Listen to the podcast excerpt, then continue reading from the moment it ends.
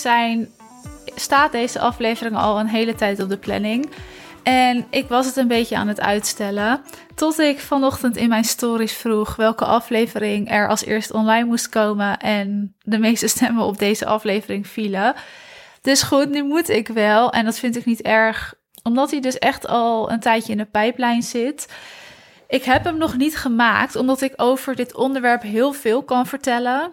En tegelijkertijd helemaal niet. Het is namelijk een logisch gevoel dat je soms voelt of soms het gevoel hebt dat jouw verhaal niet zo uniek is. Dat is normaal. Dat voelen heel veel onderneemsters. Tegelijkertijd voel je dan: wat moet ik hier dan mee doen? Kan ik hier dan wel iets mee doen? Of moet ik dan mijn verhaal wel vertellen? Dan heb je ook nog een andere kant. Dat zijn onderneemsters die wel een heel bijzonder verhaal hebben die dat heel makkelijk kunnen uitdragen, maar ook ondernemers die wel een heel bijzonder verhaal hebben, maar dat niet kunnen uitdragen. En de reden daarvan is vaak iets persoonlijks.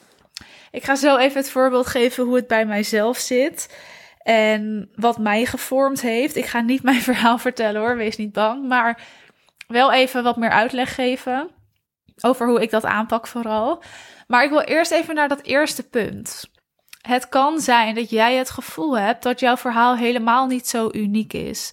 En als dat het geval is, dan kan ik maar één ding zeggen en dat is: ik begrijp het. We vinden ons eigen verhaal vaak niet heel uniek. En er wordt natuurlijk best wel gestrooid met de meest spectaculaire verhalen. Van 0 euro op de bankrekening naar in drie maanden 20.000 euro omzet per maand. Tot vanuit een burn-out en eigenlijk echt in een dieptepunt zitten. Opgekrabbeld naar een succesvol bedrijf en alles daartussenin. Het hoeft niet altijd om omzet te gaan. Het kan ook heel vaak om nou, de reis zijn of om wat je hebt bereikt. In ieder geval is het vaak zo dat het begint bij een soort nulpunt, of eigenlijk misschien wel ver onder dat nulpunt. En dat we aan het eind ergens zijn waar we toen niet hadden van durven dromen. Nou, dat zijn hele mooie verhalen. Maar ik vind persoonlijk wel, en mijn excuus is als ik je nu tegen het been trap, omdat jij misschien zo'n verhaal hebt, dat deze verhalen een beetje zijn uitgemolken. Ondanks dat ze heel vaak waar zijn, wordt het nu ook zoveel ingezet dat ik het wel heb gezien en dat ik het wel heb gelezen. En het creëert vaak juist ook een beetje een afstand tussen jou en je klant als dit wel jouw verhaal is, zorg dan dat je het op een eigen unieke manier deelt. Maar heb jij dus het gevoel dat jouw verhaal niet zo uniek is, ga dat dan eens even omdenken. Ga eens nadenken, wat aan jouw verhaal is er juist heel herkenbaar voor jouw potentiële klanten. Hè? Dus voor die andere ondernemers, als dat jouw klanten zijn, maar anders gewoon voor überhaupt andere mensen. Welk stuk is er herkenbaar? En focus je op dat stuk, want dat stuk is veel belangrijker, hè? die herkenbaarheid. Dat wil ik horen. En dat stukje wat zo ontzettend uniek moet zijn, dat mag je achterwege laten. Uiteindelijk is geen één verhaal uniek en op hetzelfde moment is elk verhaal uniek, want niemand maakt mee wat jij meemaakt. Wie weet is het gewoon soepel gegaan. Wie weet heb je wel heel erg gestruggeld, maar heb je het langzaam opgebouwd.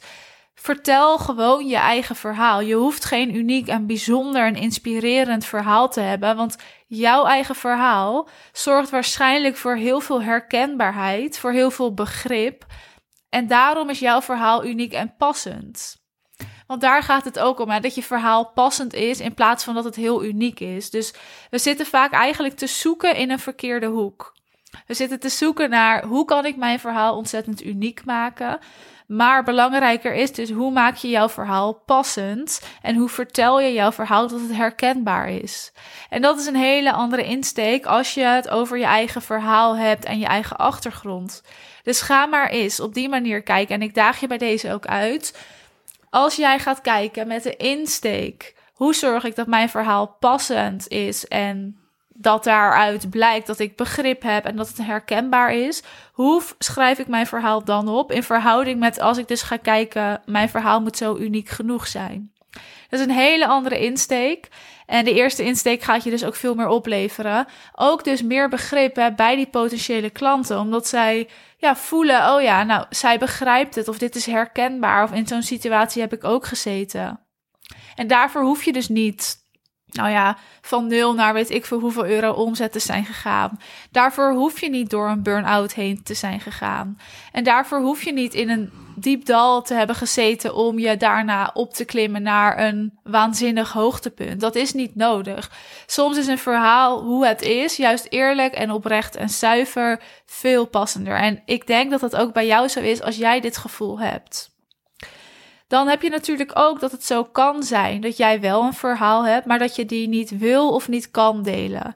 En nou, ik zit een beetje in, in deze tak, kan ik wel zeggen. Ik heb een achtergrond, hè, ook bijvoorbeeld hoe je bent opgegroeid, waar bepaalde kwaliteiten vandaan komen, waarom je bepaalde dingen goed kan of niet goed kan, wat jouw sterktes zijn, maar tegelijkertijd kan het ook zijn wat jouw zwaktes zijn. Maar alles daarin, dat vormt zich. Ook hoe jij bent, hè, je eigenschappen, je, je sterke punten, zei ik net ook al. Maar dat vormt zich ergens vandaan. En misschien kom jij wel uit een diepdal, maar wil of kan je dat gewoon niet delen. Nou, dat stuk begrijp ik dus ook heel erg. En in mijn geval kies ik er bewust voor om dit niet te delen, althans zo min mogelijk. En dat is ook oké. En als je dat hebt, ga dan voor jezelf bekijken wat je wel wil of wat je wel kan delen. En ga daarover praten en zorg ook weer voor dat stukje herkenbaarheid en begrip. Er zijn dus verschillende takken hè, van voelen dat je verhaal niet zo uniek is of voelen dat je het niet wil delen. Dat kan allebei. En als je dat hebt, dan kun je nog steeds je verhaal zo op papier zetten. Bijvoorbeeld op je over mij pagina of een keer vertellen in een podcast. Eh, ik, geef maar een voorbeeld. Je kan het ook gewoon lekker in een post zetten of een keer een video opnemen die op YouTube zetten of op je Instagram account zetten. Nou, doe er wat leuks mee, maar ga het maar eens een keer doen. En ga het dan dus insteken vanuit hoe maak ik mijn verhaal herkenbaar? Hoe vertel ik het zo oprecht mogelijk? Het hoeft niet uniek te zijn, het hoeft niet spectaculair te zijn. Het moet gewoon passend zijn en dat is iets heel anders. En dat is ook waar de focus op gelegd mag worden. En ik vind het ook best wel een goede verandering in de hele markt. Als we daar allemaal onze focus op gaan leggen. Dat we oprecht onze verhalen gaan vertellen vanuit een oprechte en zuivere intentie. In plaats van dat we alleen maar ja, elkaar een beetje willen overroelen en steeds wat hoger op die berg willen gaan staan. En willen gaan bedenken, mijn verhaal is unieker dan dat van jou. En dan gaat de ander weer wat harder schreeuwen en dan weer iemand anders. Die ja, dat speelt er soms een beetje en daar krijg ik een beetje kriebels van. Dus laten we dat ook veranderen. Dat kan alleen maar met z'n allen. En dat kan dus ook alleen maar als jij, die het gevoel heeft dat haar verhaal niet super uniek is, juist wel haar verhaal gaat delen. Want ik kan me heel goed voorstellen dat je nu tot op heden nog niet je verhaal nou zo uitgebreid gedeeld hebt of besproken hebt omdat je denkt, ja, zo uniek is het niet. Dus wat moet ik zeggen? Moet ik het wel zeggen? Want ja, ga ik er wel iemand mee inspireren? Maar dan juist ga je verhaal vertellen. Ga het opschrijven. En dus dan vanuit die hoek herkenbaarheid en begrip. Wat vertel je dan? Wat vertel je dan niet? Hè, welke woorden gebruik je en hoe formuleer je het? Schrijf het zomaar eens op. Ik ben heel benieuwd wat jij gaat opschrijven. En ik ben ook heel benieuwd, als jij je verhaal gaat delen, laat het me eens weten. Ga dan ook meteen nadenken. Hoe komt jouw verhaal het beste tot zijn recht? De een is heel sterk in schrijven, misschien kan jij beter praten. Of misschien kan je beter een video opnemen. Maar hoe ga jij het doen zodat het ook echt aankomt bij jouw doelgroep en dat jij daarbij ook automatisch een bepaalde emotie oproept en de verbinding aangaat? Want dat is wel wat jouw verhaal kan doen als jij het dus vanuit die hoek gaat schrijven, hè? dus vanuit die uh, herkenbaarheid en vanuit dat stukje begrip dan ga je echt de verbinding aan. En dan stel je jezelf ook meer open. Komt er sneller een vertrouwensband. En dan hoeft je verhaal dus juist niet uniek te zijn. Goed, nogmaals heel benieuwd. Laat het me even weten als je dit gaat doen of ook als je er überhaupt over nagedacht hebt.